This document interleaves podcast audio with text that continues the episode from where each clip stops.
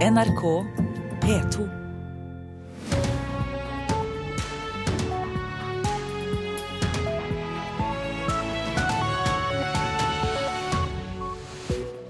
Og Vi ønsker deg velkommen til eh, Nyhetsmorgen. Her i studio, Øystein Heggen. Elektronikkjeden Ekspert sier opp den kollektive tariffavtalen. Handel og kontor er bekymret. Strengere krav til bevis fører til at flere straffesaker blir lagt bort, sier politistasjonssjef i Bergen. Terror fører ikke til at nordmenn avlyser ferien i utlandet.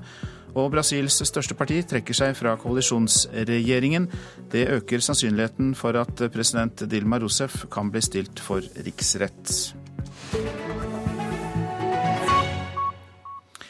Ja, Ekspert sier opp den kollektive tariffavtalen fra i morgen og vil ikke inngå en ny. Elektronikkjeden ønsker å fjerne ulempetillegg for å kunne øke bonusene i stedet.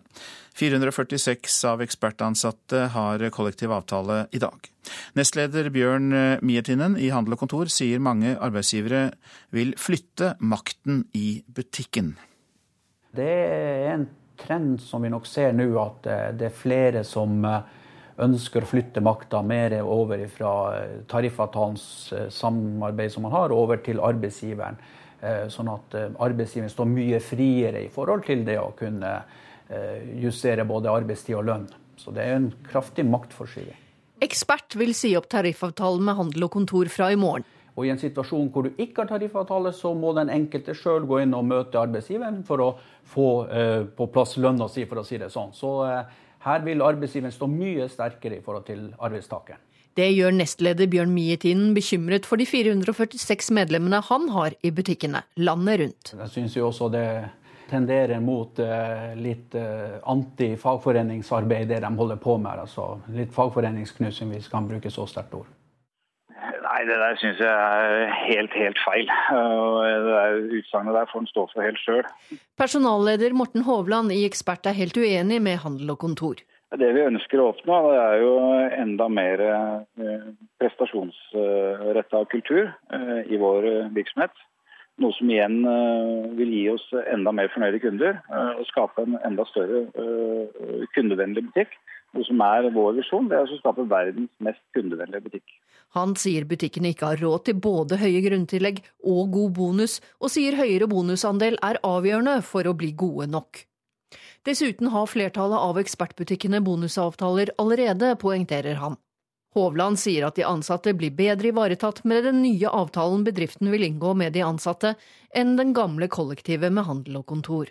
Den avtalen vi har i Ekspert, mener vi er langt bedre enn det, den avtalen som handlekontoret handlekontor eller gjennom den tariffavtalen kan tilby. Nei, Det har jeg ikke forståelse for. for I tariffavtalen så er det også bestemmelser som sier at man kan inngå bonus- og provisjonsavtaler på de enkelte bedriftene. Men i LO mener nestleder Bjørn Mietinen at arbeidsgivernes motvilje mot kollektive lønnsforhandlinger er en trend som kan gi flere redde ansatte særlig i en tid hvor arbeidsledigheten øker. Skrekkscenarioet er masse frustrerte, redde ansatte, tror jeg, som, som vil være. Altså Hvis arbeidsledigheten øker. Vi har jo det begrepet som heter arbeidsgivers styringsrett, og den styrkes jo og styrkes jo bare mer og mer i forhold til sånne her ting, sånn at arbeidstakeren står, eh, står svakere da. Du vil få et arbeidsliv hvor, hvor frykten nok styrer det. Det vil jeg egentlig bare motstride. For vi vet jo det at eh, vi er nødt til å ha medbestemmelsesrett i alle våre varehus. Og alle våre medarbeidere er nødt til å ha medbestemmelsesrett, ellers vil ikke våre varehus fungere lokalt. Reporter Hedvig Bjørgum. Straffesaker blir ofte lagt bort av politiet, til eh, tross for at eh, gjerningsmannen er kjent. Kravene til bevis har blitt mye strengere, og politiet har ikke ressurser til å etterforske alle saker. Det sier politistasjonssjef ved Bergen Vest politistasjon, Tore Salvesen det stilles strengere krav til bevis i dag enn det gjorde kanskje bare for eh, fem år siden. Ved Rema 1000 på Danmarksplass i Bergen er det mye svinn. Men selv om butikktyven har tilstått, opplever butikksjef Dag Rune Torgersen at politiet ikke har tid. Her har du en som uh, ble tatt, så vi tok i stjeling for en uke siden. NRK Brennpunkt er i butikken til Torgersen og ser på gamle overvåkingsopptak. Mange er tatt på fersk gjerning, og butikksjefen har meldt over 100 personer til politiet. Med navn og gjerne signatur fra eh, den som har blitt tatt i stjeling. At han erkjenner skyld? Det er vanskelig. Selv om vi har et navn, så må, også, eh, må det òg være bevist utover enhver rimelig tvil at den personen som er navngitt, òg har begått det straffbare forhold. Hva tenker du om at eh, enkelte saker blir eh, lagt vekk, selv om gjerningsmannen er kjent? Nei, Det eh, syns jeg er fryktelig synd. Og da tenker jeg først og fremst på den alminnelige rettsoppfatningen til eh, borgerne i, i, i, Norge. Men det er ikke til stykket under stol at politiet har ikke de ressursene vi hadde trengt.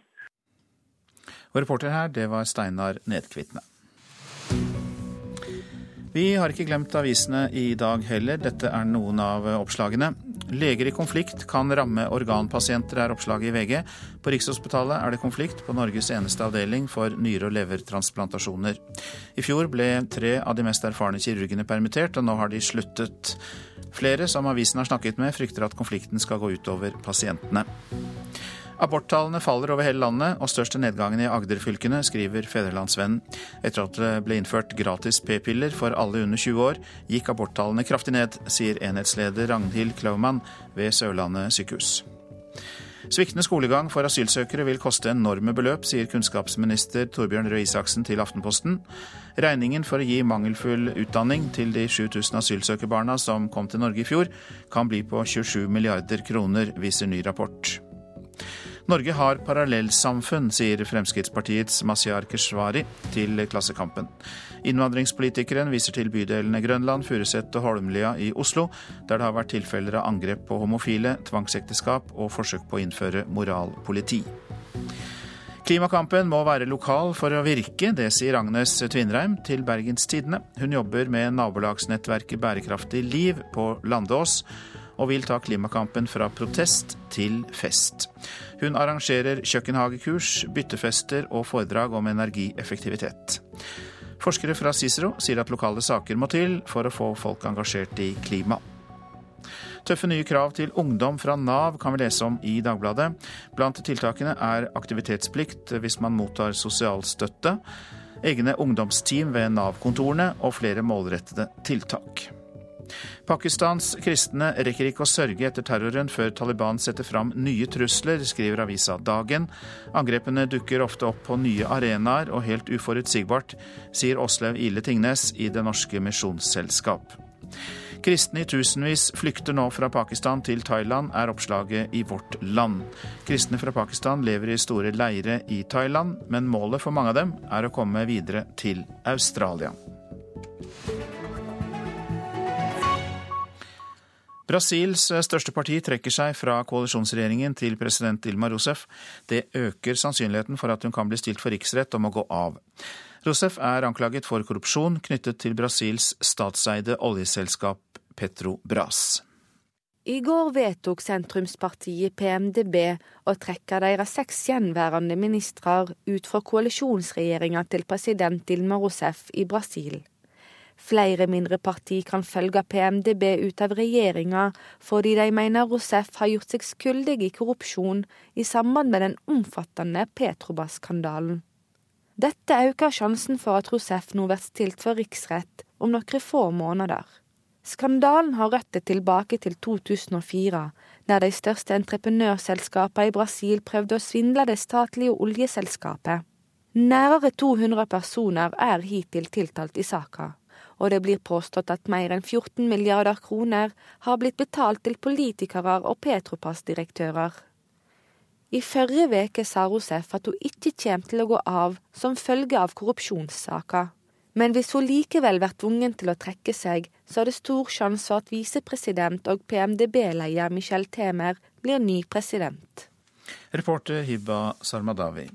Og Brasil er fortsatt tema her hos oss. Det er sterk økning i antall skilsmisser i dette verdens mest folkerike katolske land. Kirken har fått mindre innflytelse, og det har blitt lettere å få skilsmisse. Men det er også en annen og mer tragisk grunn til at brasilianere skiller seg oftere.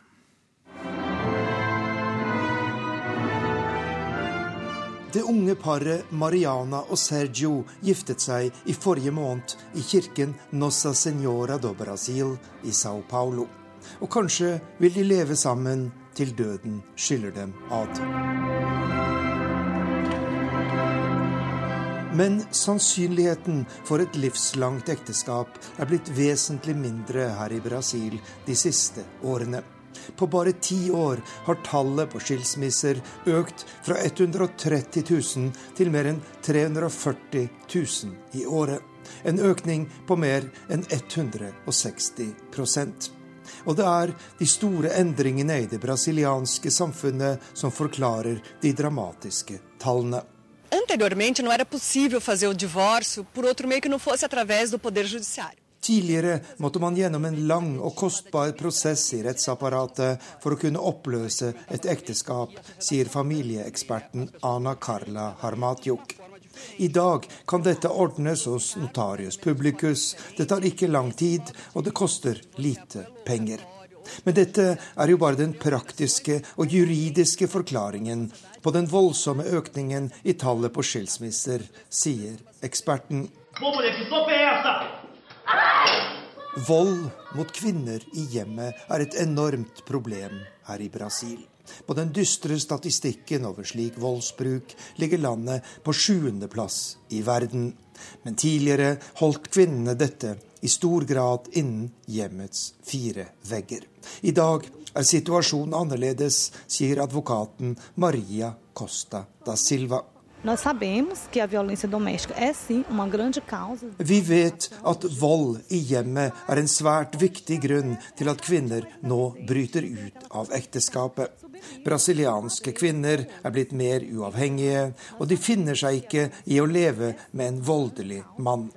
Kvinnen får også mer støtte fra foreldre, søsken og venner, og fra resten av samfunnet i sin beslutning om å skille seg, sier advokaten.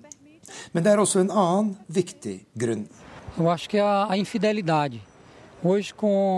Utroskap fra mannens side får stadig flere brasilianske kvinner til å skille seg, sier sosiologen Marco Pereira.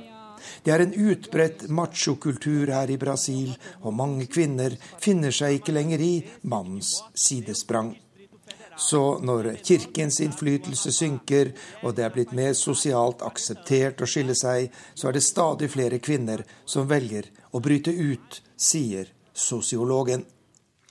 Arnt Stefansen hadde laget denne reportasjen i Rio de Janeiro. Klokka nærmer seg 6.46. Dette er eh, hovedsaker. Elektronikkjeden Ekspert sier opp den kollektive tariffavtalen. Handel og kontor er bekymret og tror det kan skape frykt blant de ansatte. Brasils største parti trekker seg fra koalisjonsregjeringen til president Dilma Rousef. Det øker sannsynligheten for at hun kan bli stilt for riksrett. To menn bevæpnet med pistol og kniv tok seg inn i en leilighet i Skien i natt. To personer var i leiligheten, ble ikke, men ble ikke skadd. Gjerningsmennene skal ha tatt med seg en gjenstand og løpt fra stedet. Det var en fryktelig landskamp. Ja, slik oppsummerer NRKs fotballekspert Carl Petter Løken gårsdagens privatlandskamp i fotball mot eh, Finland. Den endte jo med 2-0-seier, men det var likevel elendig norsk spill og mangel på motivasjon, sier Løken. Det her var egentlig en fryktelig landskamp eh, hvis du ser prestasjonen under ett. For all del, resultatet vil alltid bli stående, og det viktigste i fotball det er å vinne fotballkamper. Det klarte vi 2-0. Men vi skapte egentlig bare én stor målsjanse gjennom hele kampen på egen hånd. Men prestasjon er langt under pari. Ja, Hva er det som er så dårlig? Første omgang var nesten fullstendig død. Ble noe bedre i perioder, små perioder i annen omgang. Men jeg savner glød, jeg savner engasjement, jeg savner duellstyrke, jeg savner vilje. Og, og det må du ha i fotball, og, det, det, må jo prege et landslag. Du må jo være stolt av å representere Norge. Og det så ikke sånn ut, og det er litt skremmende. Nå må det være mer bevegelse. Nå var det altfor mange norske spillere som sto bom stille. Hallo! Dere må jo bli kalde der ute! Første omgang av kampen mot Finland i går kveld var svært dårlig, preget av elendig norsk spill. Da det sto 0-0 til pause, var det stor misnøye blant de 4675 tilskuerne. Det laveste tallet på en Ullevål-landskamp på nesten 24 år. Det pipes litt fra publikum. De er ikke fornøyd med det de har sett. I andre omgang skåret Norge to ganger, men seieren skapte nok ikke den begeistringen som trengs for et landslag i motgang. Det sørget det dårlige spillet for. Flere av spillerne skyldte på at det var en kamp som ikke betydde noe. Det er jo vennskapskamp, og det er jo enda enklere å motivere seg til noe, noe viktig. Og så må du ikke glemme at det er en treningskamp. Det er veldig uviktig kamp i forhold til for mange, for, for, for alle egentlig. Vi skal ikke gjemme oss så mye bak det, altså. det syns jeg blir feil. Sa Stefan Johansen, som er kritisk til lagkameratenes forklaring. Vi må få opp øynene. Vi ser at det er 4000 tilskuere på Ullevål, og vi har en jobb å gjøre med, med, å få entusiasmen tilbake i landslaget. Så det Om det er en treningskamp eller om det er en kvalik, så, så, må i hvert fall vi gå ut og gjøre jobben der og, og få entusiasmen tilbake. Så det, det, er en jobb vi må gjøre, og da, da holder det ikke å gå inn med ei halvveis innstilling. Det gjør det ikke. Og reporter om all denne elendigheten, det var Geir Elle. Påskens terrorangrep i Belgia og Pakistan stopper ikke nordmenns reiselyst. Det er slett ikke slik at folk avlyser sine reiser, det er heller det motsatte som skjer. Bennett ferie, det er Kjersti. Hei, du. Kjersti Bogstad jobber som daglig leder på reisebyrået Bennett Ferie i Drammen. Hun har nok å gjøre. Uh, erfaringsmessig så er denne uken her en, en, god måned i forhold til nye bookinger. Uh, og vi har faktisk ikke hatt en eneste telefon for, fra engstelige kunder. Overrasker det deg? Både ja og nei. folk tenker nok. men, men allikevel ønske om å reise på ferie. Og ønske om å finne på noe i framtida. Om det være seg sydentur eller om det er seg en Kall det en langviken, eller en større reise. Den er nok så stor at det overskygger. Om jeg er redd for å reise, nei. nei jeg har allerede bestilt meg to reiser. Men det er én innenlands og én faktisk til Tyrkia. Og det, og det, tør du, eller? Om jeg tør det, ja. Ja, jeg er ikke noe redd for det, egentlig. Og Hva med terroren, da? Det... Nei, Jeg tenker som så at uh, hvis vi skal føle den frykten alle mann, så har vel vi tapt. Det kryper jo nærmere og nærmere oss. Mm. Det, det, gjør det, men, men allikevel så tror jeg nok at det, det, det sitter langt inne å, å gjøre en større avbestilling. På reisebyrået i Drammen sitter reisekonsulentene opptatt i telefonen. Det er slett ikke avbestillinger de tar imot, men bestillinger på nye reiser. Når jeg kjørte på jobb i dag, så trodde jeg nok det at det skulle bli en og annen avbestilling. Jeg trodde nok det. Og hva sier folk da, når de ringer og bestiller hos deg nå? Snakker de i det hele tatt om eh, terror? Nei, det gjør de ikke. Det, er, det har ikke, faktisk ikke vært nevnt i dag i det hele tatt. Bortsett fra de som da har trengt hjelp til å booke om en reise som er i dag og i morgen og i overmorgen. Har du hatt mange bookinger i dag, eller? Vi har hatt mange nybookinger i dag, ja. Mm, det har vi. Terroren i Brussel og i Lahore har preget oss alle denne påsken. Man skulle tro at vi kanskje ønsket å holde oss hjemme. Reisebyråer NRK har snakka med, forteller altså det motsatte. Og folk i gågata i Drammen hadde ingen planer om å la være å legge ut på tur. Nei. Er du redd for å reise? Nei, Alt kan skje, og du kan ikke tenke slik. Nei, Vi skal på, til Hellas i sommer. Og Du er heller ikke redd for å reise? Nei, er ikke det. Nei. Nei. Det eneste Kjersti Bogstad på reisebyrået har merket seg de siste dagene, er at reisemålene er i ferd med å endre seg. Det vi merker, er jo at eh, folk tenker mer kanskje vestlige delen av Middelhavet at det er, det er, mer trykk på den. Vi hadde en telefon fra en kunde i stad som faktisk hadde vurdert Bodensjøen i Sør-Tyskland som et alternativt reisemål for en, kall det en sydentur. Mm. Den har vi ikke vært borti før. Eh, men, men, det er klart sånne, sånne reisemål som da på en måte konsentrerer seg om den vestlige delen av Middelhavet. Jeg tror det, er, det kommer vi nok til å se. Jeg jobber med ikke å være redd, og derfor så reiser jeg allikevel. Til tross for terror? Ja, til tross for terror. Jeg gjør det. At det er viktig at vi prøver å overvinne den redselen, altså. Reporter, det var Karoline Bekkelund Hauge. Flere kunstkritikere har skiftet mening om minnestedet for ofrene etter 22.07-terroren på Sørbråten. Kunstverket, som deler en odde i to, fikk gode anmeldelser da det ble lansert for to år siden, men etter at naboene har ytret seg svært kritisk, har flere av landets kunstkritikere endret holdning. Jeg har eh, forandret mening etter hvert, fordi jeg har sett den smerten som eh, spesielt lokalbefolkningen, men også noen av de etterlatte, eh, har uttrykt. Og det har påvirket meg. Det sier kunstkritiker i Dagsavisen Lars Elton. Han var svært begeistret for minnestedet etter 22.07-terroren, da det ble lansert for to år siden. Men nå har han endret mening. Kunstverket, laget av svenske Jonas Dahlberg, deler en odde i to på Sørbråten ikke langt fra Utøya.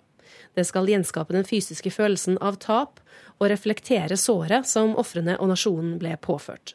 Men naboene på Sørbråten vil ikke minnes, de vil glemme.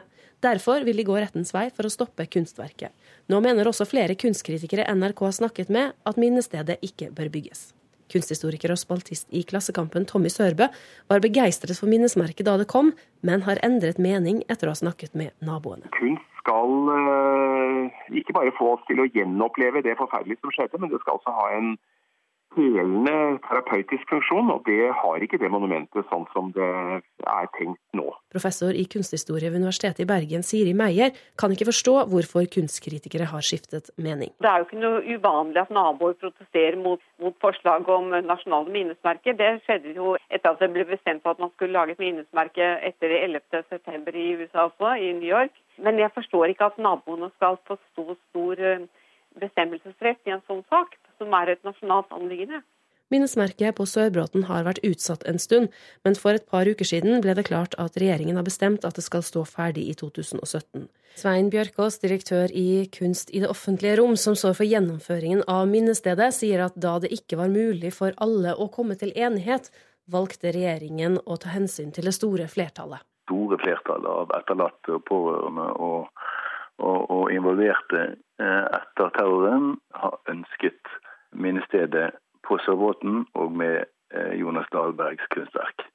At en eh, liten gruppe kunstkjennere og kritikere har synspunkter som avviker fra det, det går ut fra at det ikke er særlig tungtveiende i denne sammenhengen. Kunstkritiker i Dagsavisen Lars Elton mener regjeringen i alle fall kunne ventet fem år til. Det viktigste for meg er den prosessen som har vært gjennomført, som ikke har tatt uh, tilstrekkelig hensyn til uh, de sårbare gruppene som dette tross alt har stor innvirkning på.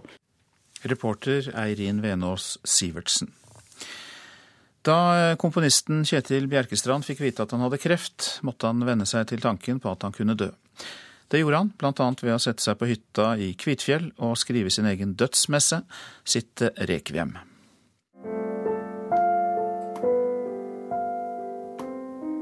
Sånn går det utover, da, på en måte. Med utvidelser og sånne ting. Det blir litt sånn rolige melodier ofte, og, og, og moll ofte. Så derfor så blir det et slags sånn rekviem. Og jeg tenkte når jeg fikk diagnosen kreft, så, så må du jo gå gjennom liv og død. Og hvis det blir død da, som er utgangen, så har jeg jo lyst til å skrive ferdig nå også.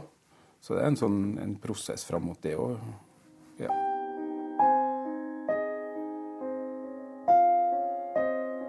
Komponisten Kjetil Bjerkestrand har jobba med store artister både i Norge og utenlands som musiker, komponist og arrangør. Blant dem a-ha, Ray Charles, Didi Bridgewater og Arve Tellefsen.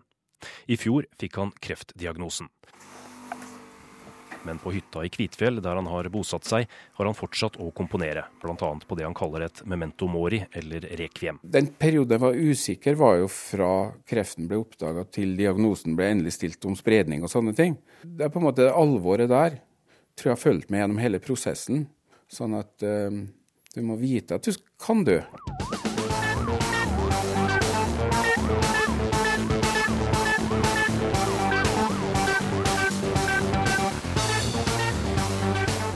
Det, noe, det blir ikke noen sånn lystige valser og sånne ting. Altså.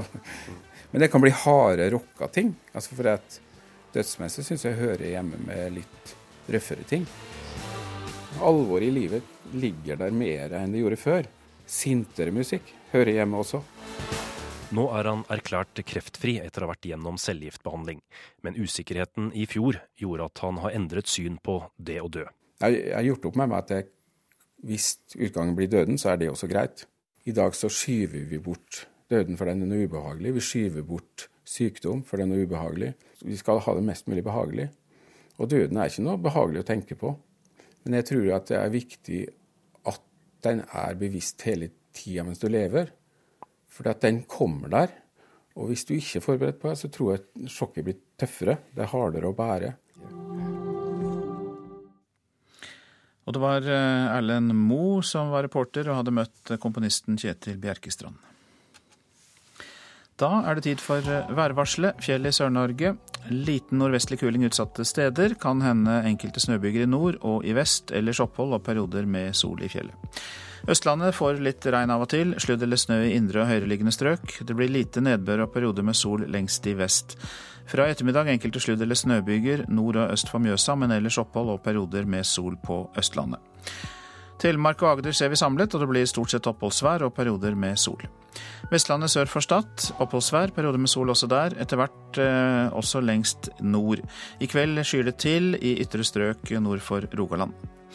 Møre og Romsdal får sørvest liten kuling på kysten. Fra i formiddag minker vinden. Enkelte regnbyger, snø i høyereliggende strøk, oppholdsvær og perioder med sol. Og vi går til Trøndelag, som får sørvest stiv eller sterk kuling på kysten. Fra i formiddag vestlig liten kuling. Det blir regnbyger og snø i høyden. Fra i kveld avtagende byggeaktivitet og oppholdsvær sør i Trøndelag.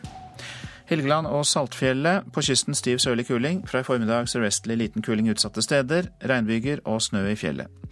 Salten og Ofoten. På kysten stiv sørlig kuling. Enkelte regnbyger. Etter hvert eh, snøbyger i fjellet. Lofoten og Vesterålen får stiv sørvestlig kuling og enkelte regnbyger. Troms øst for Lyngsalpene liten sørlig kuling utsatte steder. I ettermiddag sørvestlig stiv kuling på kysten. Seinere kan hende sterk kuling i sør. Delvis skyet og perioder med sol. I kveld enkelte regnbyger på kysten. Finnmark stiv sørlig kuling utsatte steder først på dagen. Oppholdsvær og perioder med sol. Og Nordsjøland på Spitsbergen får oppholdsvær og perioder med sol. Temperaturer målt klokka fem. Svalbard minus fem. Kirkenes pluss én, og resten er plussgrader. Da var det Vardø fire, Alta fem, Tromsø seks, Bodø fem, Brønnøysund, Trondheim og Molde fire, Bergen null, Stavanger to, Kristiansand null, Gardermoen tre, Lillehammer eh, to. Minus to i Røros, men Oslo og Blindern hadde pluss fire. Her i Nyhetsmorgen fortsetter vi med disse sakene. Langt færre innvandrerkvinner møter opp til screening for livmorhalskreft enn kvinner med norsk bakgrunn. En streik i Norge kan ramme hele bilindustrien i Europa, hevder produsent av bildeler på Raufoss. Donald Trumps valgkampsjef er siktet for kroppskrenkelse mot en journalist. Og vi skal høre at dykkere tjener på å fjerne spøkelsesteiner fra havbunnen. Ja, mange langt færre innvandrerkvinner møter opp til screening for livmorhalskreft enn kvinner med norsk bakgrunn, altså. Det er tall fra Kreftregisteret som viser det. Kulturforskjeller og språkbarrierer eh, kan eh, stå bak, mener forskere og Kreftforeningen. Det er ganske intimt å gå og undersøke livmoren sin. Naima Noor er medisinstudent ved Universitetet i Oslo. Hun er godt kjent med helsesjekker som screening for livmorhalskreft. Det er ikke alle innvandrerkvinner, viser nye tall fra Kreftregisteret som NRK har fått se. Overlege Mari Nygaard ved Kreftregisteret forklarer. Kvinner som har norsk bakgrunn, to tredjedeler av dem følger våre anbefalinger og kommer til screening regelmessig. Kvinner som har innvandringsbakgrunn, mindre enn halvparten av dem kommer til screening. Og det er noe som bekymrer oss. Økt innvandring har gjort screening for livmorhalskreft blant innvandrerkvinner til et aktuelt tema, sier Nygaard. Alle burde forstå hva vi tilbyr, og hvordan dette kan benyttes. Så det er vårt ansvar for å få den informasjonen fram til disse kvinnene slik at de ikke vil lide av sykdom som kunne ha vært forebygd. Kulturforskjeller, kostnad og mangel på språkkunnskaper er mulige årsaker, mener forskerne. Kreftforeningen møter samme utfordringer i deres arbeid for å få flere innvandrerkvinner på kreftscreening. Det sier spesialrådgiver May-Britt Knoblok. Det kan være eh, en del kulturelle ting, som en sånn eh, vegring for å vise kroppen sin. Både til mannlige og kvinnelige fastleger. Det kan være økonomi. Selv om det ikke er så dyrt, så kan det være mye penger for en innvandrerfamilie. Det kan òg være lite kunnskap. De vet ikke at vi har sånne systemer i Norge. Tydelig og lett tilgjengelig informasjon er nøkkelen, mener ekspertene. Informasjon på flere språk og gjennom bilder og apper er tiltak Kreftregisteret vurderer, og innvandrerkvinner må involveres i arbeidet, mener May-Britt Knoblok i Kreftforeningen. Og så må vi jo huske på at eh, innvandrere er ikke én gruppe, det er mange forskjellige innvandrere. Og ut ifra landbakgrunn så, så, er det forskjell på behov og tiltak. Så det, det lureste er nok å spørre dem. Medisinstudent Naima Noor mener andre som henne også kan spille en viktig rolle. Innvandrerne som jobber i helsevesenet, som snakker språket, og som har kunnskap om helsevesenet. Og at de kan fungere som brobyggere for eh, norske helsevesenet og innvandrerkvinnene her, da. Reporter, det var Milana Knesevic. Og Janette Hoel, leder i Gynkreftforeningen, eh, velkommen hit. Tusen takk. Dere er jo en undergruppe av Kreftforeningen og jobber jo med disse spørsmålene. Hvorfor tror du at det er færre innvandrerkvinner som møter opp til screening enn norske? Jeg tror det har mye opphav i dette med kultur og tradisjoner.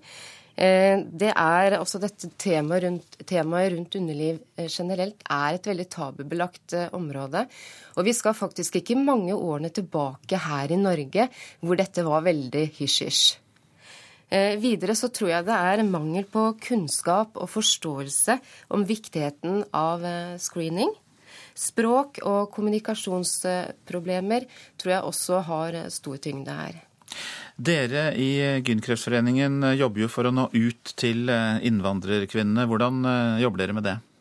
Vi har nå nylig inngått et samarbeid med Den norske jordmorforening, hvor vi ønsker å utvikle et lavterskeltilbud hvor jordmødre kan eh, gå ut og ta celleprøvene. Vi mener at dette her er en arena hvor det er lettere å oppsøke innvandringskvinner, og også gi informasjon om viktigheten av å ta en celleprøve. Ja, Så de må ikke nødvendigvis møte opp selv, men de eh, får hjemmebesøk? Nei, ikke i forhold til hjemmebesøk, men at jordmødrene er mye mer tilgjengelig rundt omkring i kommunene. Ok, de, eh, Men skal da jordmødrene være mer aktive overfor innvandrerkvinner og eh, oppsøke dem eh, heller enn motsatt? Jeg vil nok tro at det bør være en god aktivitet fra jordmødrenes side. Samtidig så tror jeg det faller, faller, seg naturlig at jordmødre ofte møter mer på innvandringskvinner i forhold til graviditet. Nå finnes det jo tross alt mye informasjon om screening eh, ute i eh, samfunnet. Eh, hvordan kan man få innvandrerkvinner også da til å ta et større ansvar for egen helse? Jeg tror hvis man får ut mer informasjon til innvandringskvinnene, skaper en mer forståelse på hva dette her faktisk dreier seg om. Eh, jeg tror det vil hjelpe. Jeg tror også det er viktig å få informert innvandringskvinnene om hvilke konsekvenser det faktisk har eh, i forhold til det med å få livmorhalskreft. Og her ønsker jo Gynkreftforeningen å, å, bidra mye. Vi ønsker å dele våre, våre historier, slik at eh, de kan få en litt mer forståelse. Samtidig så vil vi ikke drive med skremselspropaganda, men rett og slett vise til realiteten. Har dere noen medlemmer fra innvandrergruppen?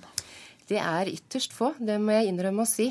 Og det er også vanskelig å oppnå kontakt med de. Så dette her er et område som eh, vi må sette mye fokus på, og kommer til å gjøre fremover. Mange takk skal du ha, Janette Hoel, som altså er leder i eh, Gynkreftforeningen. Det vil bli en katastrofe for bilindustrien i hele Europa dersom det blir streik på søndag. Ja, det hevder daglig leder av bildelprodusenten Bentler Aluminium Systems på Raufoss, Svein Terje Strandli. I går ble det jo brudd i forhandlingene. Produksjonen på Raufoss vil stoppe, og det vil i løpet av tre til fire dager starte å lamme bilindustrien i Europa. Lørdag kveld på slaget midnatt kan det bli storstreik her i landet. Etter brudd i meklinga i årets frontfagsoppgjør mellom Fellesforbundet og arbeidsgiversida Norsk Industri, ligger saken nå hos Riksmekleren. Blir det ingen løsning, tas 26 000 ansatte fra 800 bedrifter i hele landet ut i streik. Og for opplandsbedrifta Bentler blir nærmere 400 tatt ut, noe som stopper opp hele bildelproduksjonen, hevder Strandli.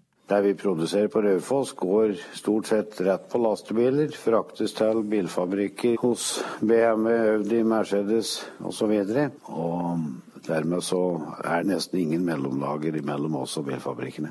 En streik vil alltid ramme, men Fellesforbundet er opptatt av at det skal ramme den som bør rammes, og det er arbeidsgiverne. Svarer Vidar Grønli i Fellesforbundet. Dette er jo en lovlig arbeidskonflikt, og i en slik situasjon så kan det komme en streik. Det er 20 år siden sist at det var streik i frontfaga, altså bedrifter i den konkurranseutsatte industrien hvor oppgjøret gjennomføres forbundsvist. Fellesforbundet med LO og Norsk Industri forhandler først.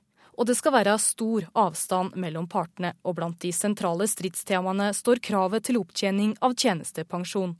Strandli håper nå på enighet, for han ønsker seg ikke tilbake til 1996. Vi fikk meget sterke reaksjoner.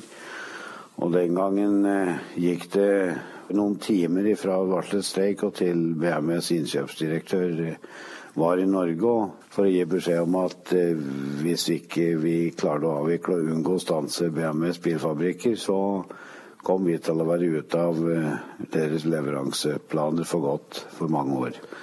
Og for, eh, for norsk industri nå så, så, vil det ikke være mye sympati i Europa å finne for en, en konflikt eh, fra norsk side. Reportere Liv Rønnaug Lilleåsen og Stein Skinstad, og fristen for meklingen går altså ut lørdag 2. april klokka 24. Klokka nærmer seg 7.12. Dette er hovedsaker.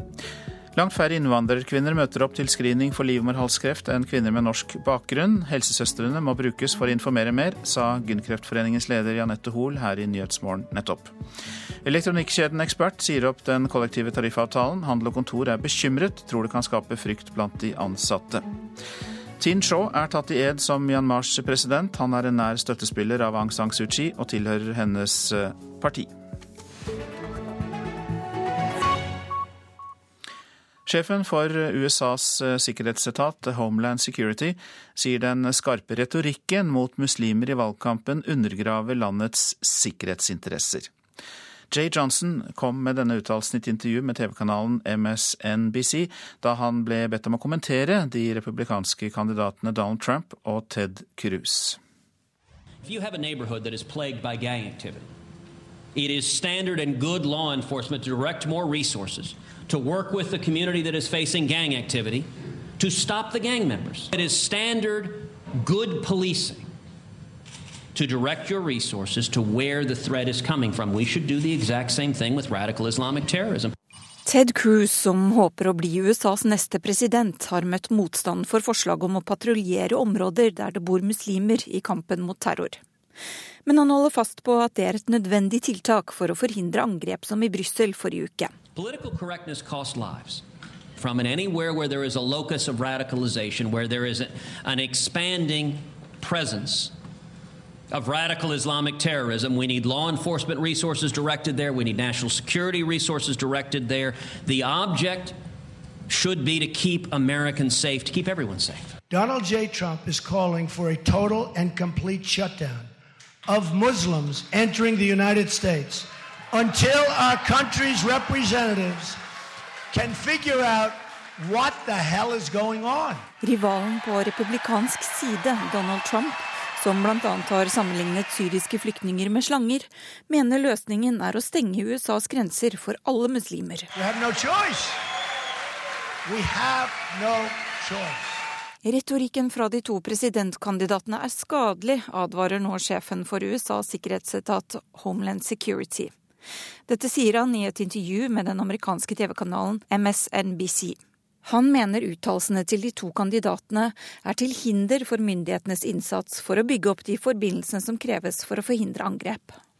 Reporter det var Elisabeth Aansum. Eh, Donald Trumps eh, valgkampsjef er siktet for kroppskrenkelse mot en journalist. Eh, Corey Lewandowski ble pågrepet i Florida og siktet for å ha tatt så hardt tak i armen til en kvinnelig journalist at hun fikk eh, blåmerker. Hendelsen fant sted 8. mars, da journalisten forsøkte å stille Trump et eh, spørsmål. Og Lewandowski hevder han ikke har rørt kvinnen, men politiet har publisert en video som viser røff fysisk behandling av eh, journalisten.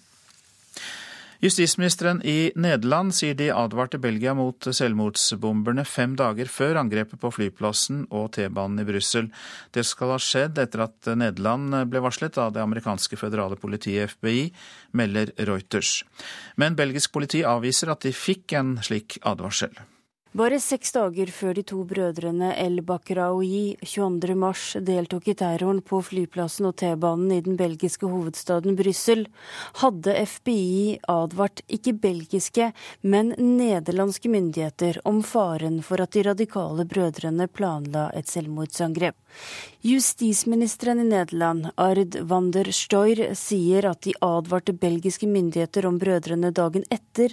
Belgisk politi sier på sin side at det ikke er sant.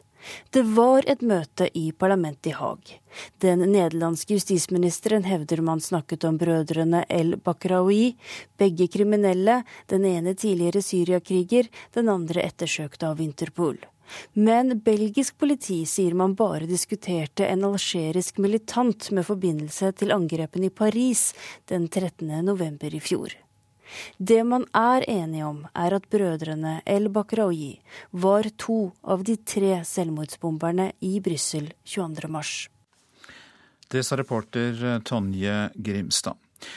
Antall terrorangrep i verden har økt. Antall drepte er nidoblet på 15 år. Over 32 000 mennesker ble drept i terrorangrep i 2014. Det viser den siste rapporten fra det australske Institute for Economics and Peace.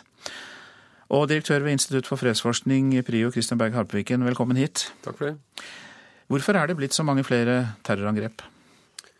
Nei, Det finnes jo mange svar på det, men skal vi forstå det i en slags uh, historisk sammenheng, så peker vel dette tilbake mot den uh, amerikanske ledede intervensjonen i Irak i 2003, som åpnet opp et uh, nytt territorie der grupper med vilje til å bruke terror kunne organisere seg, og der de fikk en slags legitimitet for nettopp det prosjektet. Dette var jo, Mange av disse folkene fantes jo tidligere. Al-Sarkawi, som var den store entreprenøren i denne sammenheng i Irak, opererte jo i Afghanistan på 1990-tallet, men falt ut med Al Qaida og hadde ikke særlig handlingsrom der. Men med intervensjonen i 2003 så ble det helt andre muligheter, dessverre. Men terror fantes jo lenge før eh, Irak-invasjonen? Det er viktig å huske. Terroren har en lang historie, og terroren har framstått med mange ideologiske overbygninger. I dag er vi veldig opptatt av islamistisk terror. Går man tilbake til Europa på 70- og 80-tallet, så hadde vi jo ganske omfattende terror. Eh, spesielt Tyskland, Italia, Spania, Frankrike var jo svært utsatt for terror. Så terroren har vært med oss gjennom egentlig hele historien. Men har den endret karakter? Er det slik at eh, flere sivile kan risikere å bli utsatt for terror nå? Vel, terrorens natur er jo at den ikke respekterer skillet mellom, eh, mellom, soldater, mellom krigførende, legitimt krigførende og sivile. Og mye av hensikten her er jo nettopp å spre frykt i en større befolkning gjennom å gjøre sivile til eh, mål. Ja, Men er det blitt flere sivile nå som rammes enn før? Nei, jeg tror går vi tilbake i historien, så ser vi nok at eh, det finnes mange perioder da det er svært store grupper sivile som rammes. Og det er jo viktig også å huske på Du nevnte tallet 32 000 i 2015 her. Ja, 14, ja, 2014. 2014, Beklager. Eh, det er viktig å huske på også at eh, andelen av de som er rammet i Europa, er eh, svært, svært liten. I de tre årene 2012 til 2014 så er det vel 480 mennesker som har tapt livet, tapt livet i terroraksjoner i Europa. Men må vi regne med flere terrorangrep i årene fremover? Er det, er det ting i tiden som tilsier det? Ja, det er klart at nå er vi inne i en periode der det er sterke terrornettverk eh, som opererer. Og det er jo særlig de som har eh, arnested i eh, Midtøsten. Men vi ser jo også at terroren har bredd seg som et militært instrument for grupperinger over store deler av Nord-Afrika, og også i noen grad østover. Afghanistan, Pakistan er jo spesielt aktuelle. Så det er veldig vanskelig å tro at vi ikke vil måtte leve med terror i noen år fremover. Hva kan eh, retorikken ha å si? Vi eh, hørte jo nettopp at sjefen for Homeland Security i USA er bekymret for eh, måten muslimer bl.a. omtales på i den amerikanske valgkampen? Ja, det er klart det er ganske særegent at sjefen fra Homeland Security går inn i valgkampdebattene på denne måten. Og jeg tror nok vi må oppfatte det som uttrykk for en meget sterk bekymring fra fra hans side. Og det er klart dette er klokt, for det det viser til, er jo det faktum at i den grad folk føler seg fremmedgjort i de samfunn de selv er borgere i, og dette kjenner vi jo igjen også fra Norge, så kan det nettopp være det som gjør at man er villig til å ta det lange skrittet som det er å gå fra å være politisk borger til å eh, være villig til å ramme sivile, og til til og med i ytterste fall eh, ofre sitt eget liv i, eh, i en selvmordsaksjon. Samtidig er det jo også de som mener at eh, man skal eh, nærmest bruke motterror, altså gå mot terroristenes familier, har vært nevnt, bruke deres egne metoder eh, mot dem.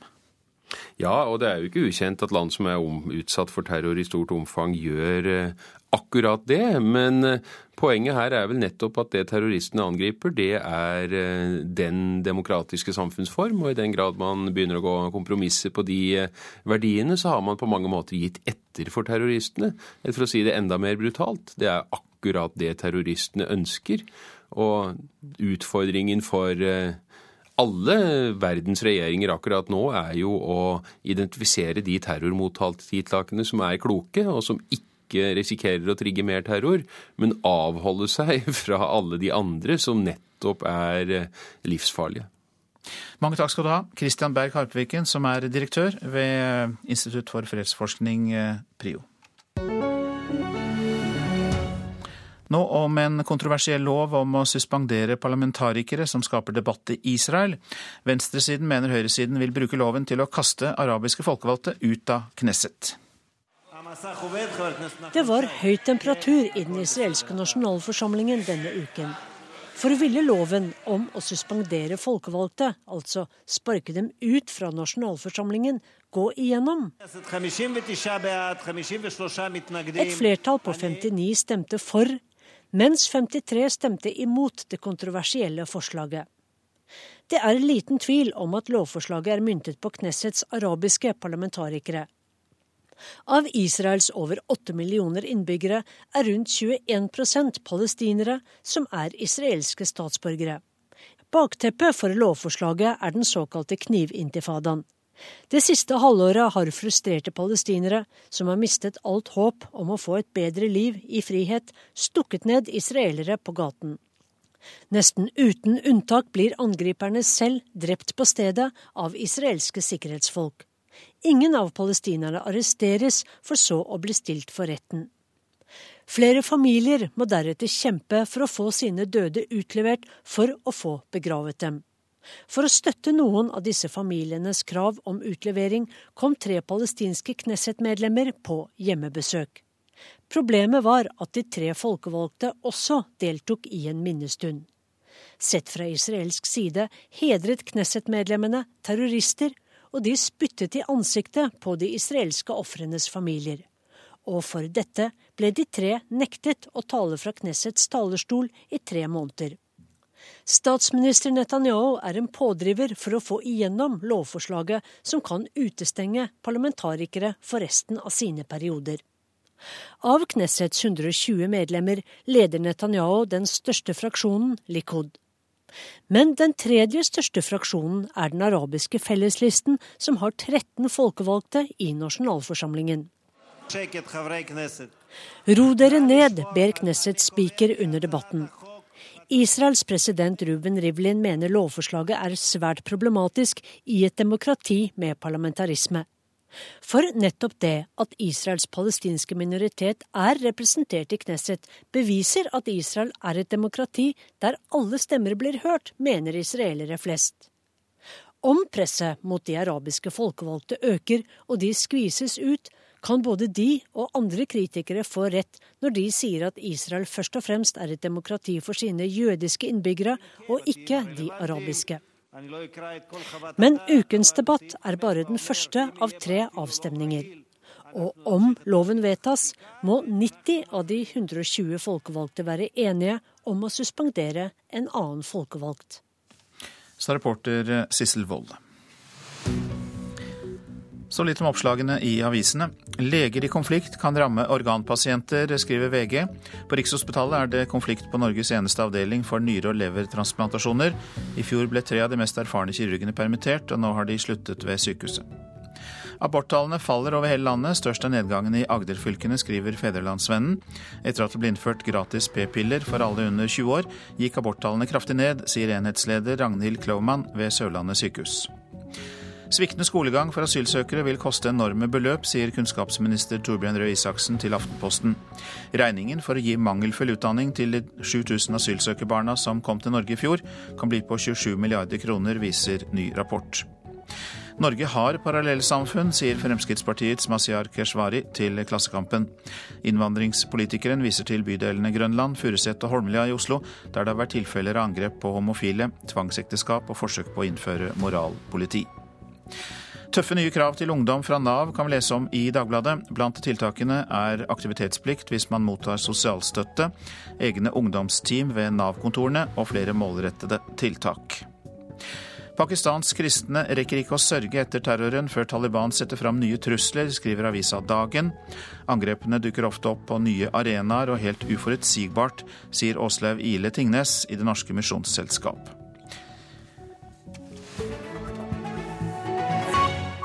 Og nå skal vi høre om spøkelsestegner. Havforskningsinstituttet og Fiskeridirektoratet har fått med seg landets dykkerklubber for å fjerne gjenglemte teiner på havets bunn. Når hummeren er utrydningstruet, er det ekstra viktig å få teinene opp fra havet, og dykkerklubbene får dusør for jobben. De har hoppa rett i det. Rogaland undervannsjakt og fridykkerklubb er ikke mer enn rett over ett år gamle. Det hindrer de ikke i å delta i en av de mest omfattende dugnadene i Norge. De vil være med å renske havner og steinmoloer for gjenglemte spøkelsesteiner. Det var jo på eh, årsmøtet i klubben i år, hvor representanter fra Dykkerforbundet snakka litt om dette her. Det forteller initiativtaker i klubben, René Setereng. Så diskuterte vi litt eh, sammen, og så fant vi ut at det var en ting vi ville eh, være med på fra liksom, vi gikk inn for det forrige lørdag, så vi samla 80 stykker. 80 tapte eller gjenglemte hummerteiner, som kan bli liggende i årevis på havbunnen hvis ingen henter de opp. Alt som havner inni de, har vanskelig for å svømme ut igjen. Samtidig er hummeren nå blitt utrydningstrua. Derfor er det viktig at fjerningen av spøkelsestegnene nå er i gang. Ifølge visepresident i Norges Dykkerforbund, Lars Einar Hollund. Vi har jo lenge sagt at disse, disse spøkelsesteinene bør tas opp pga. at de driver fortsatt på fangster. Og de kan sågar fangste i mange år etterpå. Eieren har jo egentlig ingen mulighet til å finne det igjen. Påvirkningen er jo at det er ingen som har nær sagt høster av de, og en ser jo at mange av disse har både hummer og krabbe inni seg. 80 spøkelsesteiner opp av vannet kan derfor ha stor påvirkning på livet i sjøen. De som blir gode til å finne teiner som henger igjen i sjøen, kan tjene gode penger på det. Når en tar opp en teine, så har Dykkerforbundet bitt klubbene, eller de som tar opp dette, å registrere det på et skjema og ta et bilde. Og sende dette inn til Dykkerforbundet. For den jobben så får de 400 kroner per teine. Dette betyr at Rogaland undervannsjakt og fridykkerklubb har tjent 32 000 kroner på de 80 teinene de henta opp på ei uke. Det blir, det blir noe ut av det, ja. Og, men for oss er det Vi er jo nystarta klubb, eh, har begrensa midler. Så for oss er det jo en kjærkommen eh, holdt på å si, inntekt. Så lenge dykkerklubben sender inn bilder av opphenta teiner, skal Norges Dykkerforbund fortsette å betale for jobben. Ja, det, det, er nok gode inntekter, men det som er viktigst, er egentlig det de gjør for miljøet på bunnen. Og jeg tror det kan faktisk ikke betales i penger. Reporter det var eh, Erik eh, Sergio Aukland. Prosent for Nyhetsmorgen i dag, Ulf Tannes Fjell. Her i studio, Øystein Heggen. I India er det vanligere å ha mobiltelefon enn toalett. Vi skal uh, høre om to som var veldig fornøyd med at de faktisk har fått toalett i huset. Etter Dagsnytt.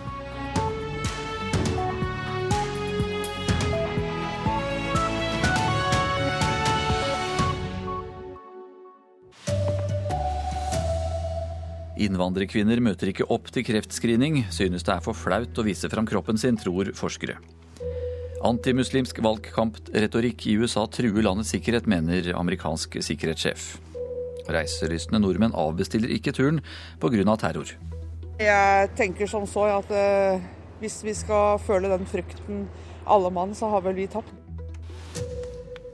Her er NRK Dagsnytt klokka 7.30 med Anders Borgen Werring. Mange færre innvandrerkvinner møter opp til screening for livmorhalskreft enn kvinner med norsk bakgrunn. Det viser tall fra Kreftregisteret. Kulturforskjeller og språkbarrierer kan være årsaken, mener forskerne og Kreftforeningen. Det er ganske intimt å gå og undersøke livmoren sin. Naima Noor er medisinstudent ved Universitetet i Oslo. Hun er godt kjent med helsesjekker som screening for livmorhalskreft. Det er ikke alle innvandrerkvinner, viser nye tall fra Kreftregisteret som NRK har fått se. Overlege Mari Nygaard ved Kreftregisteret forklarer. Kvinner som har norsk bakgrunn, to tredjedeler av dem følger våre anbefalinger og kommer til screening regelmessig. Kvinner som har innvandringsbakgrunn, mindre enn halvparten av dem kommer til screening. Og det er noe som bekymrer oss. Kulturforskjeller, kostnad og mangel på språkkunnskaper er mulige årsaker, mener forskerne. Kreftforeningen møter samme utfordringer i deres arbeid for å få flere innvandrerkvinner på kreftscreening. Det sier spesialrådgiver May-Britt Knoblok. Det kan være eh, en del kulturelle ting, som en sånn eh, vegring for å vise kroppen sin. Både til mannlige og kvinnelige fastleger. Det kan òg være lite kunnskap. De vet ikke at vi har sånne systemer i Norge. Tydelig og lett tilgjengelig informasjon er nøkkelen, mener ekspertene. Informasjon på flere språk og gjennom bilder og apper er tiltak Kreftregisteret vurderer og innvandrerkvinner må involveres i arbeidet, mener May-Britt Knoblok. Fra man landbakgrunn så, så, er det forskjell på behov og tiltak. Så det, det lureste er nok å spørre dem. Reporter her, det var Milana Knesevic. Og Jeanette Hoel, leder i Gyn-kreftforeningen, sier at de nå jobber med konkrete tiltak for å få flere til å teste seg. Vi har nå nylig inngått et samarbeid med Den norske jordmorforening, hvor vi ønsker å utvikle et lavterskeltilbud hvor jordmødre kan eh, gå ut og ta celleprøvene. Vi mener at dette her er en arena hvor det er lettere å oppsøke innvandringskvinner, og også gi informasjon om viktigheten av å ta en celleprøve. To menn bevæpnet med pistol og kniv tok seg inn i en leilighet i utkanten av Skien i natt. To personer var i leiligheten, men ingen ble skadd. Politiet i Telemark avhører fornærmede, og vitner er på stedet, sier operasjonsleder Jørn Gustav Larsen. Vi har vært på stedet med hundepatrulje, søkt i området. Andre politistyrker har vært i området. Eh, vi er nå i gang med avhør av fornærmede og vitner. Har dere fått noe inntrykk av hva som kan ha vært motivet? Det vet vi ikke ennå, så det gjenstår når vi, når vi er eh, avhørt til fornærmelse. får vi høre litt mer rundt det, men foreløpig så vet vi ikke det. Reporter eh, Maria He Furulund. Ekspert sier opp den eh, kollektive tariffavtalen i morgen uten å inngå en ny. Elektronikkjeden ønsker å fjerne ulempetillegg for å øke bonusene. 446 ekspertansatte har kollektivavtale i dag. Nestleder Bjørn Mietiden i Handel og Kontor sier det betyr mer makt til arbeidsgiverne på de ansattes bekostning. Og I en situasjon hvor du ikke har tariffavtale, så må den enkelte sjøl gå inn og møte arbeidsgiveren for å få eh, på plass lønna si, for å si det sånn. Så eh, her vil arbeidsgiveren stå mye sterkere i forhold til arbeidstakeren. Ekspert vil si opp tariffavtalen med Handel og Kontor fra i morgen. Det gjør nestleder Bjørn Mietinen bekymret for de 446 medlemmene han har i butikkene landet rundt. Jeg syns jo også det tenderer mot uh, litt uh, anti-fagforeningsarbeid, det de holder på med. Altså, litt fagforeningsknusing, hvis vi kan bruke så sterkt ord. Nei, det der syns jeg er helt, helt feil. Det Utsagnet der får en stå for helt sjøl. Personalleder Morten Hovland i Ekspert er helt uenig med Handel og Kontor. Det vi ønsker å oppnå, er jo enda mer prestasjonsretta kultur eh, i vår virksomhet. Noe som igjen eh, vil gi oss enda mer fornøyde kunder og skape en enda større kundevennlig butikk. Noe som er vår visjon, det er å skape verdens mest kundevennlige butikk. Han sier butikkene ikke har råd til både høye grunntillegg og god bonus, og sier høyere bonusandel er avgjørende for å bli gode nok. Dessuten har flertallet av ekspertbutikkene bonusavtaler allerede, poengterer han. Hovland sier at de ansatte blir bedre ivaretatt med den nye avtalen bedriften vil inngå med de ansatte, enn den gamle kollektivet med handel og kontor. Den avtalen vi har i Ekspert, mener vi er langt bedre enn det, den avtalen som eh, handel og kontor eller gjennom den tariffavtalen kan tilby. Reporter eh, i denne saken, det var Hedvig Bjørgum. Sjefen for eh, USAs sikkerhetsetat, Homeland Security, sier den skarpe retorikken mot muslimer i valgkampen undergraver landets sikkerhetsinteresser. Jay Johnson kom med uttalelsen i et intervju med TV-kanalen MSNBC da han ble bedt om å kommentere de republikanske kandidatene Donald Trump og Ted Cruz. It is standard and good law enforcement to direct more resources to work with the community that is facing gang activity to stop the gang members. It is standard good policing to direct your resources to where the threat is coming from. We should do the exact same thing with radical Islamic terrorism. Ted Cruz, som håper å bli USAs neste president, har møtt motstand for forslaget om å patruljere områder der det bor muslimer i kampen mot terror. Men han holder fast på at det er et nødvendig tiltak for å forhindre angrep som i Brussel forrige uke. Donald J. Trump is calling for a total and complete shutdown of Muslims entering the United States until our country's representatives can figure out what the hell is going on. Rivalen på republikansk side, Donald Trump, som bl.a. har sammenlignet syriske flyktninger med slanger, mener løsningen er å stenge USAs grenser for alle muslimer. No no Retorikken fra de to presidentkandidatene er skadelig, advarer nå sjefen for USAs sikkerhetsetat Homeland Security. Dette sier han i et intervju med den amerikanske TV-kanalen MSNBC. Han mener uttalelsene til de to kandidatene er til hinder for myndighetenes innsats for å bygge opp de forbindelsene som kreves for å forhindre angrep. Sa utenriksmedarbeider Elisabeth Onsum.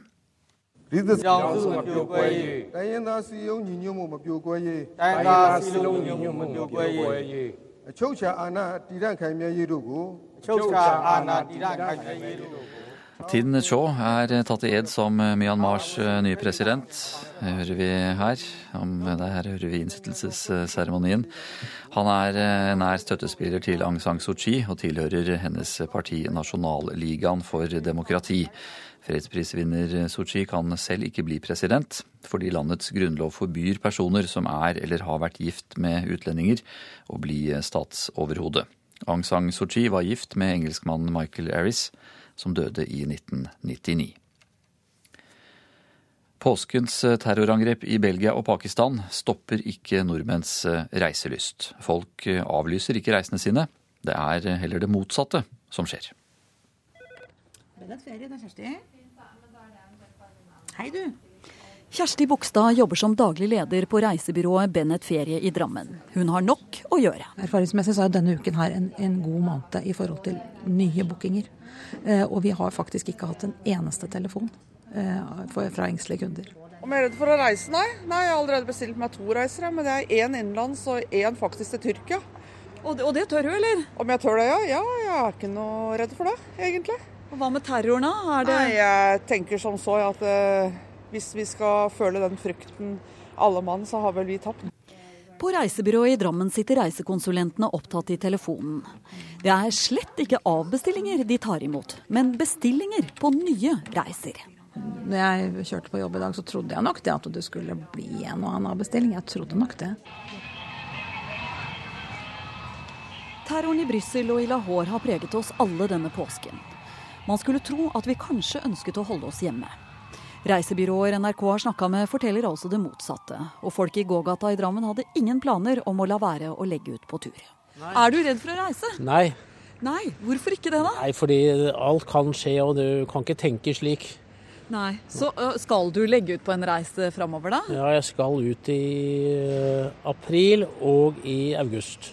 Ja, og det... Men, men tenker ikke tanken på at det kan skje noe. Nei, hvorfor ikke det, da? Nei, det er bare sånn det er. Ja, ja, så... Det er farligere å kjøre rv. 7 tenker jeg.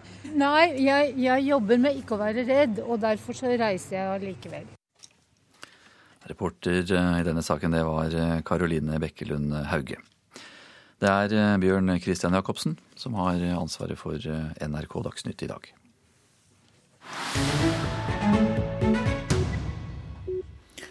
Dette er Nyhetsmorgen. I India er det vanligere å ha mobiltelefon enn et toalett. Det vil myndighetene gjøre noe med, og vår korrespondent Kristin Solberg har møtt to kvinner på den indiske landsbygda som har fått eh, livene sine forandret av nettopp det lille, nye rommet i huset. Hun lever et tradisjonelt liv, landsbykvinnen Shakantula Tanwar. Seksbarnsmoren på 53 år har ikke innlagt vann men henter det i en konteiner på gårdsplassen. Det er der hun tar oppvasken for hånd. Det er slik livet alltid har vært for Shakantula, og for mange andre på den indiske landsbygda. Men én ting er nylig blitt annerledes, i det minste for henne. En ting de fleste tar helt for gitt. Vi pleide å bli syke, og når jordene ble oversvømt, måtte vi gå på gaten isteden, og der hendte det at folk kastet stein på oss, sier Shakantula om tiden før hun fikk et innendørs toalett. Nå som vi har et toalett, er alt bra, sier hun. Tidligere måtte hun og døtre og svigerdøtre forlate huset og gjøre sitt fornødne på jordene. Som kvinner i en konservativ landsby måtte de holde seg hele dagen og kun gå ut om kvelden.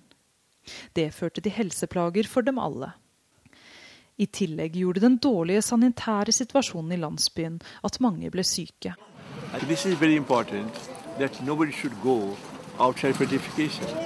Han heter Bindersvar Patak og er grunnlegger av organisasjonen Sulab International. Mange kjenner ham bare som Indias toalettmann, for han har dedikert livet sitt til å bygge toaletter og bedre sanitære forhold.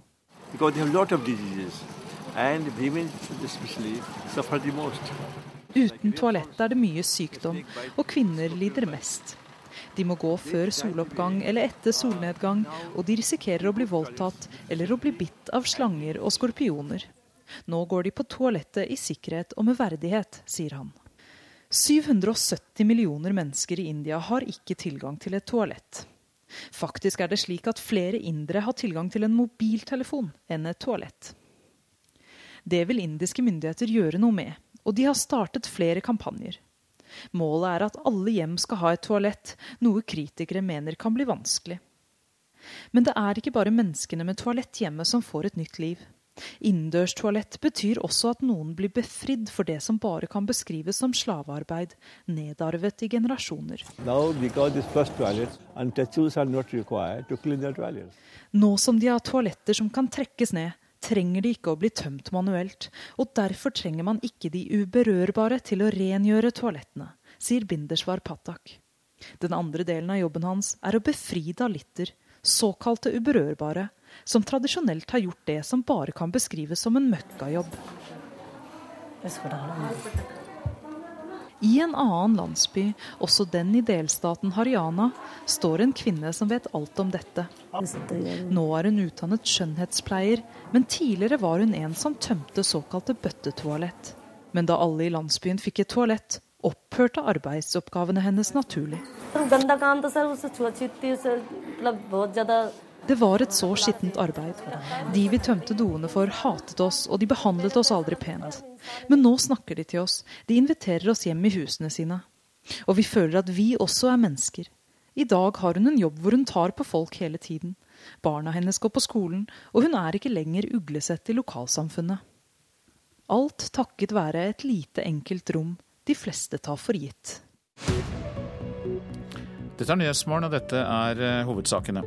Mange innvandrerkvinner møter ikke opp til screening for livmorhalskreft. Helsesøstrene må brukes for å informere mer, sier Kreftforeningens leder Janette Hoel.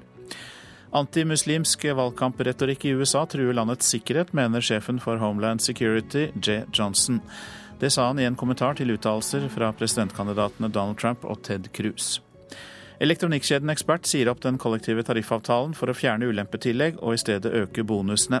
Handel og kontor er bekymret, de tror det kan skape frykt blant de ansatte. Tin Shaw er tatt i ed som Myanmars nye president. Han er en nær støttespiller av Aung San Suu Kyi og tilhører hennes parti, Nasjonalgarden for demokrati. Om få sekunder er det Politisk kvarter, og der er Bjørn Myklebust programleder.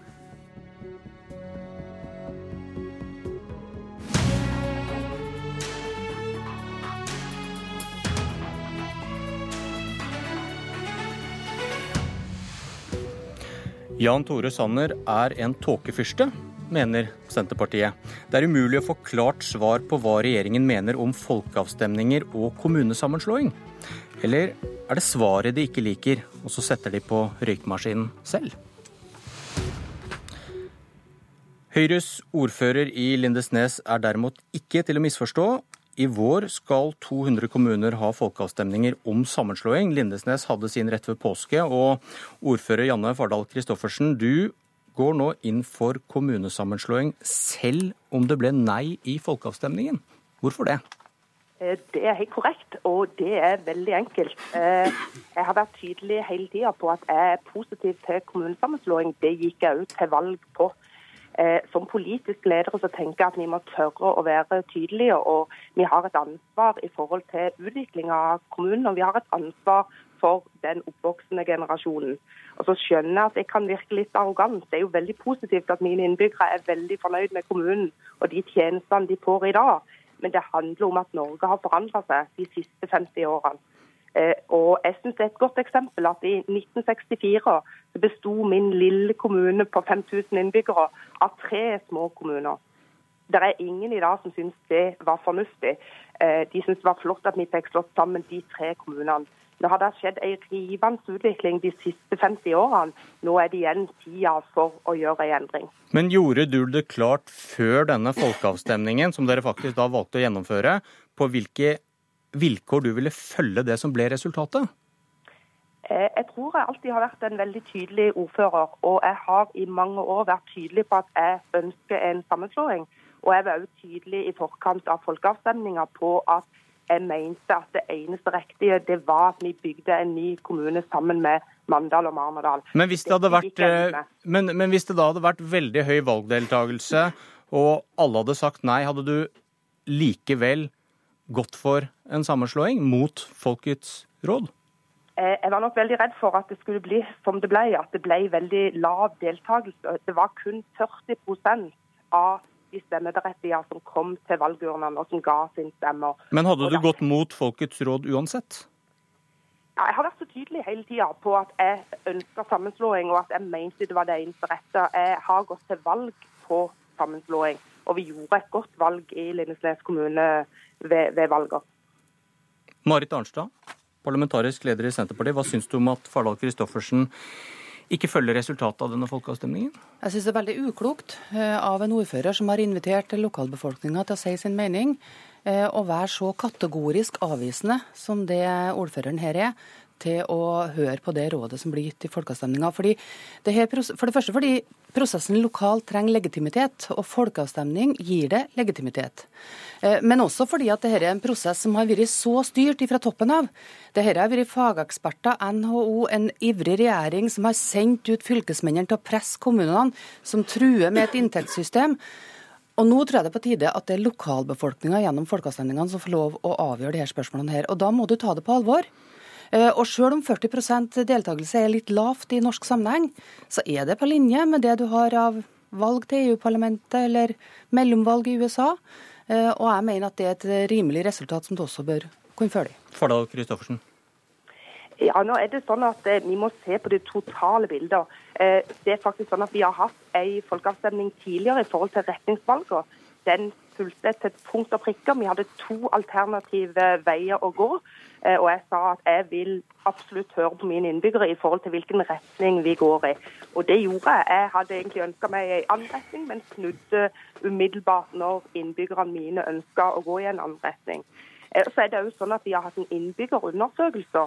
Og den innbyggerundersøkelsen der vi ringte opp faktisk hele 501 personer, den viste at det bare var 22 av innbyggerne mine som var negative til kommunesammenslåing. Men det åpenbare spørsmålet er hvorfor inviterte i hele tatt eh, kommunen innbyggerne til en folkeavstemning eh, dersom ordføreren er så kategorisk som det du er nå, på at du ikke ville ha ført det nesten uansett hvilken type valgdeltakelse det har vært, så hadde du ikke ville ha ført resultatet. Hvorfor ble folk invitert til å delta i en folkeavstemning i hele tatt? Nei, det er noe sånn at uh, Politikk det handler om å prøve å få til noe sammen. Eh, og Der sitter ulike partier og det er ulike representanter i et kommunestyre. Eh, hos oss eh, var det et betydelig ønske politisk om å gjennomføre to folkeavstemninger. Ok, eh, Arnstad, Senterpartiet er knallharde på at man må følge resultatene i disse folkeavstemningene, som vi hører. Men da det skulle stemmes om EU-medlemskap for Norge, ville Senterpartiet at den skulle tolkes? Det måtte tas hensyn til hvor stort flertallet var, akkurat det samme argumentet som Fardal Kristoffersen har brukt. Ja, men det, altså, EU-avstemninga var tross alt en suverenitetsavgivelse etter Grunnloven. Lokale Man skulle tro det var det lokale, samme som skjedde nå med den argumentasjonen lokale, dere bruker. Lokale folkeavstemninger er veldig vanlig i Norge. Det har vi hatt veldig mye av. Vi har hatt over 1000 stykker i løpet av det siste hundreåret. Og det, og, og det angår nettopp sånne ting som målsak, avholdssak, kommunesammenslåing, grensejusteringer. Det er veldig alminnelig å spørre folk om råd i de typer spørsmål. Og det vi sier er at det er klokt å følge de rådene. Men vi erkjenner at det er råd, men det, bør, det vil være klokt å følge det fordi det skaper legitimitet til den lokale prosessen som skal foregå i ettertid. Men er det ikke akkurat samme logikk da, om man skal følge folkets dom, folkets råd i en folkeavstemning, om det er e-avstemning eller om det er en Jo, lokal folkeavstemning? Vi har bestandig sagt at det er et råd folket gir. Men vi syns jo at det er fornuftig at du da også vurderer og tar alvorlig det rådet. Og her sier jo ordføreren at uansett hvilken valgdeltakelse det ville ha vært, så ville hun ikke ha tatt rådet til følge. Det syns jeg er en uklok holdning når du nå har kommet i en situasjon der du faktisk skal, skal, skal også skape legitimitet rundt prosessen lokalt. Men når vi husker, husker da de forbeholdene dere tok om at hvis det ble et ja, så måtte det tolkes, og det var opp til deres egne representanter hvordan man skulle stemme i EU-avstemningen, da kan det virke som om den kompromissløse støtten til folkets vilje er litt avhengig av om dere forventer at det kan gå deres vei. Nei, som sagt så mener jeg at det vi har hatt av folkeavstemninger om på nasjonalt plan, det har vært bare en fem-seks stykker. Det har ofte de- dreid seg om suverenitetsavgivelse. Eh, etter- Men det er argumentet dere bruker med kommunene nå, at dette er den største sentraliseringsreformen, og at, de ikke får, at det er nettopp det dere har argumentert med i EU-kampen. Men det sånn, når- så har vi sagt at når det er suverenitetsavgivelse etter Grunnloven, så er det et råd.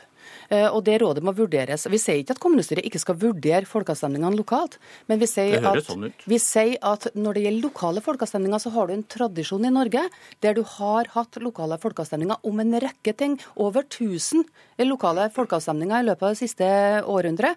Og det er klart at den, den tradisjonen og det, det, det tillitsvotumet som det gir lokalt til viktige saker, det har du hatt brukt veldig mange ganger. Det er veldig ofte brukt. Det eneste partiet som ikke liker det i Norge, lokalt, det er Høyre. Og det, Derfor så har Høyre også vært veldig klar på at de frarår alle folkeavstemninger lokalt, selv om det er en veldig vanlig tradisjon i Norge. Kommunal- og moderniseringsminister Jan Tore Sanner fra Høyre. Hva tenker du om Senterpartiets kritikk av Høyres ordfører i Lindesnes? Jeg mener det er en meningsløs eh, kritikk, nettopp fordi at ordføreren i Lindesnes og Lindesnes kommune har hatt en veldig god lokal prosess. De har diskutert eh, hvordan de kan skape en sterk velferdskommune over, over tid. De har gjennomført eh, folkemøter. De har gjennomført innbyggerundersøkelser, og nå har de hatt en folkeavstemning med et veldig knapt flertall. Og da er det til syvende og sist lokalpolitikerne som må ta beslutningen. Det som ligger fast, det er at innbyggerne skal høres.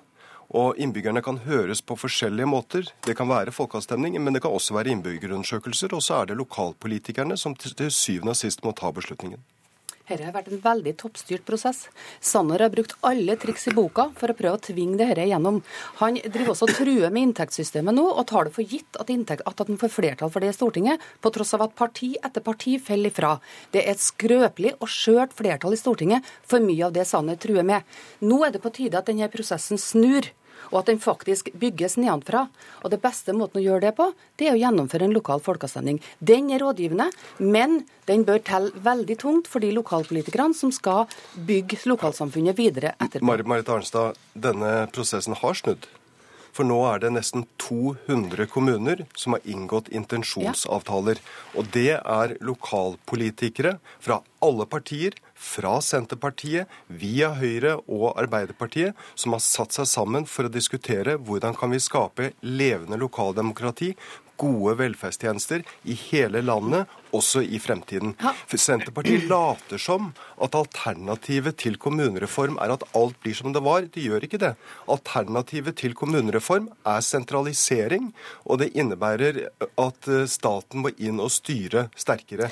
Vi ønsker sterke velferdskommuner, bygge videre på den norske og nordiske tradisjon, men da må vi også gjennomføre en kommunereform. Det ser lokalpolitikerne, og derfor har nesten 200 kommuner nå inngått intensjonsavtaler. Og så skal innbyggerne høres, men det er politikerne som velger hvordan de skal Og det høres. blir en rekke folkeavstemninger framover. Jeg tror det er viktig at folk lokalt vet at de blir tatt på alvor i de folkeavstemningene, Ja, og kaller- og at de folkeavstemningene faktisk betyr noen ting. Og så kaller du da dere, dere kaller da Sanner en tåkefyrste. Ja, fordi at Sanner vil, altså Sanner vil på det ene sida si at han vil ha det frivillig, men så starter han med økonomisk tvang gjennom et inntektssystem som ikke er vedtatt i Stortinget, som han ikke vet om han har flertall for i Stortinget.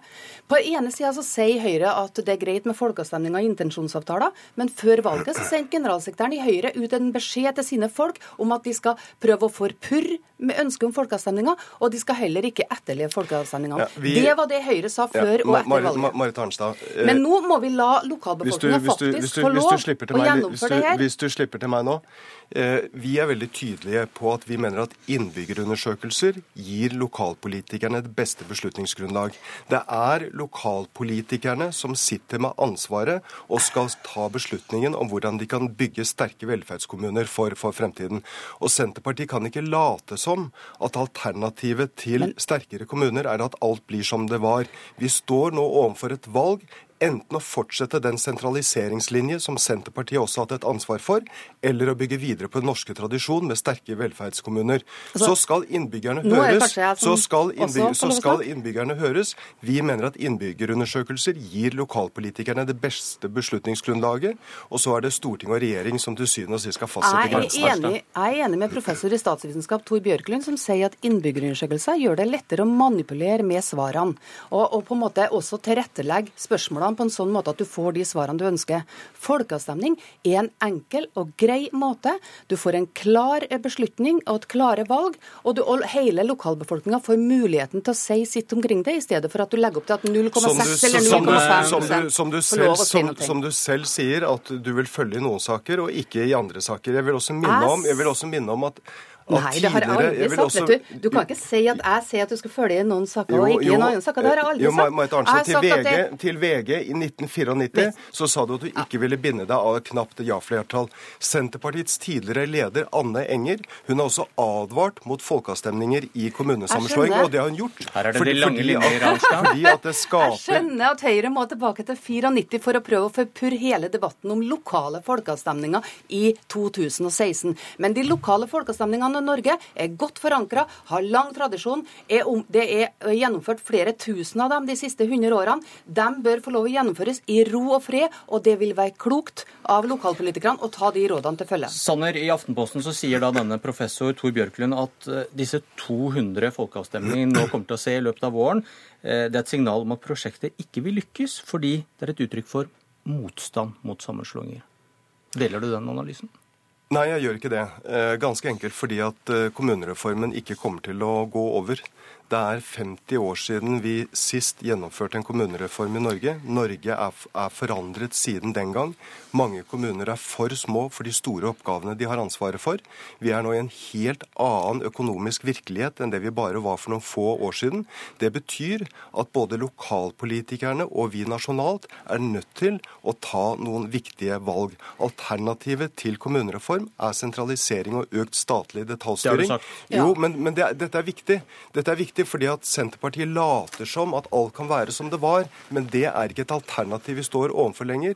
Nå må vi bygge videre på det som er den norske tradisjonen med sterke et- velferdskommuner. Sanner har et skrøpelig og skjørt flertall i Stortinget som stadig blir enda mer skjørt.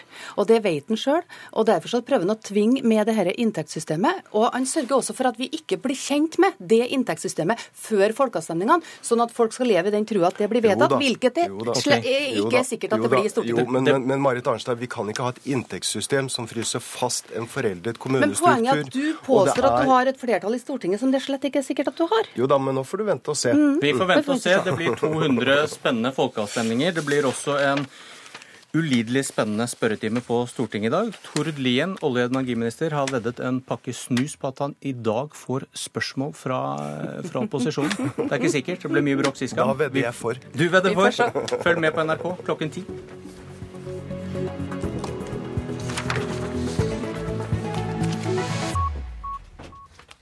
Hør flere podkaster på nrk.no podkast.